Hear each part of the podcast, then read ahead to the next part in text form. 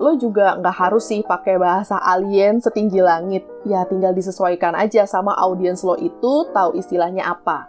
Contoh, lo perusahaan farmasi yang jualan obat. Terus lo mau bikin artikel tentang kegunaan beberapa jenis obat. Misalnya untuk ngurangin nyeri sendi gitu untuk orang lanjut usia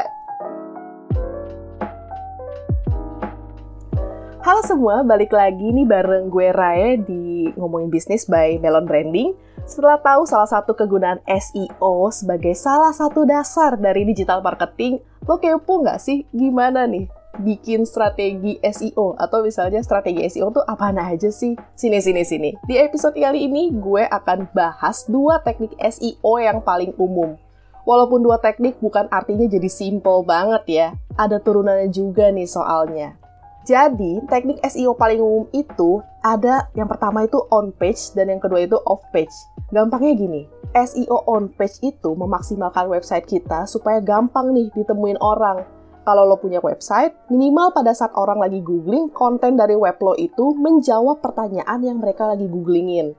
Kayak gue bilang di episode sebelumnya, kalau website lo ada di halaman pertama Google, makin besar juga nih kemungkinan orang-orang buat datang ke website lo apalagi kalau ada di top one Google ya. Beh, mantep banget tuh.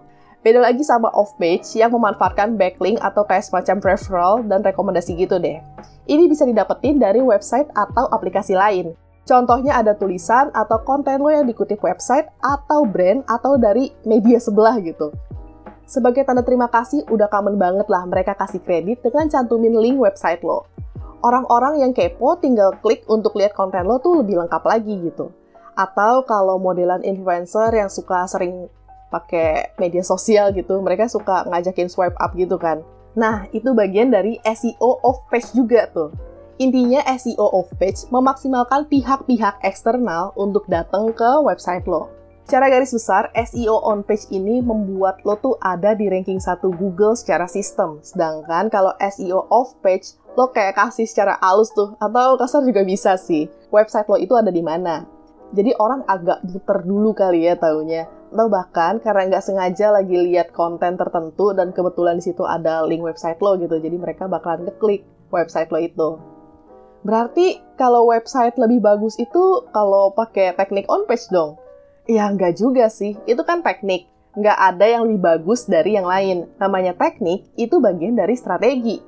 Bagus atau enggak ya tergantung dari penilaian lo juga nih. Kalau misal nih gue bilang, eh bagusan on page tahu, terus lo nggak ngerjain teknik off page gitu? Kan gak gitu, Memunah. Sebelum sampai ke kesimpulan, gue bakalan kasih penjelasan deh tentang kedua teknik ini. Nah, sebelum masuk teknik SEO, pastiin kalau lo udah punya nama yang catchy banget nih untuk brand atau perusahaan lo. Dan itu tuh sesuai gitu dengan bisnis lo sebelum memulai SEO strategi ini gitu. Kenapa gitu nih? Ibarat kata branding itu lu lagi bikin persona, marketing yang mana salah satunya dengan cara memaksimalkan SEO, lu lagi kasih tahu ke orang-orang tentang keberadaan lo nih. Kalau mau ngasih tahu tentang lo, ya lo mesti tahu dulu kan identitas lo tuh kayak gimana. Masih bingung gimana nyusun branding? Abis ini dengerin aja deh episode-episode sebelumnya dari ngomongin bisnis, karena di sana udah ada beberapa episode yang tayang nih. Soalnya ngomongin bisnis tuh tayang setiap minggu, supaya lo makin cihuy dalam berbisnis, pembrandingan, atau juga permarketingan. Lo juga bisa baca beberapa artikel tentang semua yang tadi udah gue sebutin di www.melonbranding.com atau di IG kita di @melonbranding. Lanjut deh, gue jelasin soal SEO daripada ngiklan mulu kan. Gue jelasin dulu soal SEO on page ya. Jadi nih ada beberapa komponen penting nih untuk memulai SEO on page. Ada 8 komponen, itu ada heading, meta title atau title tag, meta description, image text atau image title, URL structure, site speed, internal link, sama responsiveness. Oke, kita mulai dari heading dulu ya. Nah, heading di sini adalah nama perusahaan atau brand lo gitu. Biasanya nih harus ada nih di setiap site dari website lo. Judul atau nama brand ini bisa disebut dengan headline satu lah gitu. Lo masih bisa nambahin headline dua kayak tagline atau branding positioning statement. Atau jelasin dikit lah gitu, lo jual apa gitu di headline kedua. Pastinya masukin keyword yang relevan juga ya. Di sini jadinya biar lebih clear gitu kan, brand lo ini tuh apa, jualan apa gitu. Contoh kayak Melon Branding. Headline-nya ya Melon Branding dan jelas gitu kalau ini perusahaan yang bisa bantuin membranding perusahaan-perusahaan lain yang butuh konsultasi atau jasa branding buat bisnisnya gitu. Berikutnya ada meta title atau title tag. Nah, ini tuh judul dari konten yang lo buat ya. Judul ini biasanya akan muncul di Google setelah lo search nih keyword tertentu. Contoh lo googling SEO friendly Terus yang keluar artikelnya Melon yang judulnya Trik Memaksimalkan Konten yang SEO Friendly. Pas banget kan tuh dengan keywordnya? Judul artikel atau meta title ini harus dibuat semenarik mungkin dan sejelas mungkin, disertain juga dengan keyword yang tepat dong pastinya. Kalau perlu ya to the point aja gitu. Emang bisa apa to the point tapi menarik? Ya bisa-bisa aja sih, itu semua tergantung dari kreativitas kalian juga. Gak mau kan, lo bikin judul yang clickbait, terus isinya beda jauh nih sama judul. Yang ada malah bisa kena hina-hina netizen gitu. Jadi buat seklir mungkin ya, artikel ini tuh mau bahas soal apa gitu. Lo juga nggak harus sih pakai bahasa alien setinggi langit. Ya tinggal disesuaikan aja sama audiens lo itu tahu istilahnya apa. Contoh, lo perusahaan farmasi yang jualan obat. Terus lo mau bikin artikel tentang kegunaan beberapa jenis obat Nah, si obat ini pakai bahasa-bahasa farmasi yang jelimet banget deh, dan gak mungkin orang sampai cari tahu gitu nama si kandungan obat ini. Lo bisa langsung pakai sudut pandang efek dari obat itu. Misalnya untuk ngurangin nyeri sendi gitu untuk orang lanjut usia. Setelah itu lo pikirin mau bikin artikel kayak gimana tuh untuk jelasin obat ini. Lo bisa dengan bikin mind map dulu gitu untuk gali informasi ini tuh obat apa sih? Fungsinya apa? Terus audiensnya siapa? Yang biasa ngurus lansia itu siapa gitu. Semua informasi itu bisa lo cari tahu keyword-keyword pentingnya. Terus juga keyword ini tuh relate ke keyword apa aja sih? Seberapa banyak nih orang-orang nyari keyword itu gitu. Dan dari semua data yang ada, lo tinggal implementasin aja ke artikel atau konten yang mau lo buat lo bisa pakai judul artikel tips mengurangi nyeri sendi atau menjaga kondisi fisik lansia atau cara merawat lansia di rumah saat WFH. Di dalam artikel lo masukin deh tuh jualan obat lo. Itu tadi udah meta title atau title tag ya. Sekarang ke meta description. Perhatiin deh, kalau lo googling setelah headline, persis di bawahnya itu kan ada URL gitu. Nah, di bawahnya lagi kayak ada penjelasan artikel ini tuh kira-kira lagi ngebahas apa. Dan di sana biasanya tuh ada nyantol tuh beberapa keyword yang lo cari gitu. Bagian ini tuh juga penting banget karena untuk kasih gambaran konten lo ini tuh lagi bahas apa sih gitu. Nah, usahain buat meta description ini tuh lo tulis tuh 60 sampai 65 karakter aja. Pastiin juga keyword yang penting-penting gitu, itu dimasukin juga nih di dalam meta description ini ya kalau misalnya bukan keyword utama, lu juga bisa pakai keyword-keyword yang ada di second liner lah gitu. Karena tuh supaya mendukung gitu apa yang menjadi keyword utama gitu. Wah, kesannya nih SEO tulisan-tulisan banget ya. Tapi nggak juga sih, ada nih masuk ke soal gambar. Jadi tuh gambar bisa mendukung SEO juga gitu. Loh, kenapa nih? SEO kok tapi hubungannya sama gambar gitu. Oke oke, gue akan jelasin dulu fungsi gambar ya di artikel. Pertama, gambar itu bisa bikin mata pembaca istirahat bentar lah dari baca artikel. Apalagi kalau artikelnya panjang. Saran gue kalau di media online gak usah deh bikin artikel panjang-panjang, mata cepet capek soalnya. Beda kalau misalnya kita baca di kertas atau misalnya baca majalah gitu. Lo mau bikin artikel panjang-panjang itu masih bisa lah karena matanya nggak cepet capek. Kedua, gambar dengan judul yang tepat bisa nge-boosting SEO. Ini yang namanya tuh image text atau image title. Jangan pernah deh lo masukin gambar ke konten tapi judulnya image 001 atau unknown gitu. Kasih nama yang sesuai dengan keyword SEO yang lo harapin. Contoh kayak tadi, bikin artikel perusahaan farmasi obat nyeri sendi. Kasih nama aja, kesehatan lansia gitu. Atau obat nyeri sendi. Atau bahkan kalau gambar obat, langsung nih kasih judul brand lo gitu di situ. Sama satu lagi, lo jangan sampai deh mengabaikan caption gambar. Caption singkat aja, itu gambar soal apa, terus juga bisa bantu juga nih untuk masuk ke halaman satu Google. Gue kasih gambaran kalau soal gambar ini ya. Pernah nggak lo ngetik sesuatu di Google, terus muncul gambar kok kayaknya nggak sesuai ya sama apa yang lo cari gitu. Tapi pas lo klik, gambar itu ternyata bagian dari artikel yang lain. Ya mirip-mirip gitulah gitu. sometimes lo juga main di ranah ketika orang-orang lagi search gambar juga gitu. Soalnya sistem Google tuh ya kayak gitu gitu.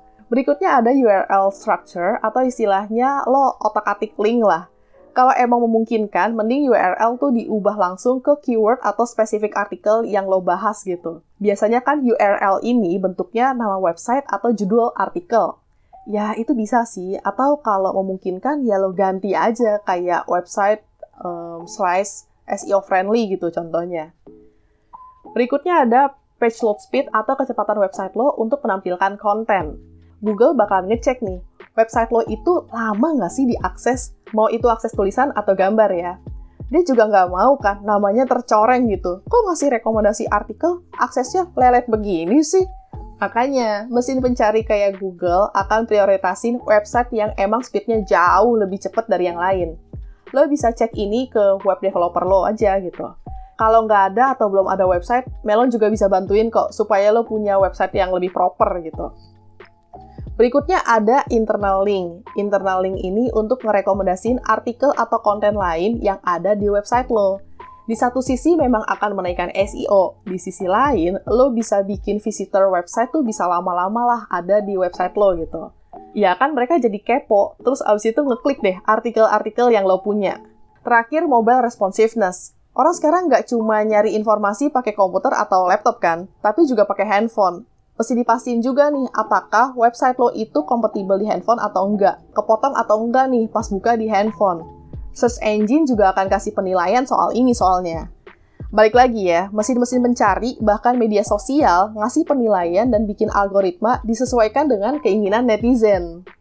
Setelah panjang lebar nih gue ngobrolin tentang teknik dari SEO on page, sekarang kita bakalan bahas off page. Kalau on page kan fokusnya membangun websitenya ya, Off-page ini fokus gimana caranya orang-orang rekomendasiin website yang lo punya. Ada empat komponen dari SEO off-page ini. Yang pertama itu ada link building, terus kedua listing bisnis, yang ketiga brand mention, sama yang keempat review bisnis. Kita bahas satu-satu ya. Google tuh nggak cuma nilai suatu website oke okay atau enggak dari komponen on-page tadi, tapi juga termasuk ini website sering dikunjungin atau enggak nih gitu. Atau biasa disebut page rank lah. Nah, kalau emang baru bikin website, wajar dong kita rekomendasiin orang-orang untuk datang ke website atau konten kita gitu. Website kita lah gitu. Nah, itu namanya link building. Lo bisa pakai jasa blogger atau bikin artikel tertentu yang keywordnya itu ngerujuk sebuah link website lo gitu. Pastiin juga isi kontennya ini sesuai dengan konten atau brand yang lo buat ya. Bisa juga kok lo request beberapa keyword tertentu gitu di blognya, atau bisa disebut anchor text gitu. Gak harus pek-plekan keyword ini tuh diulang-ulang.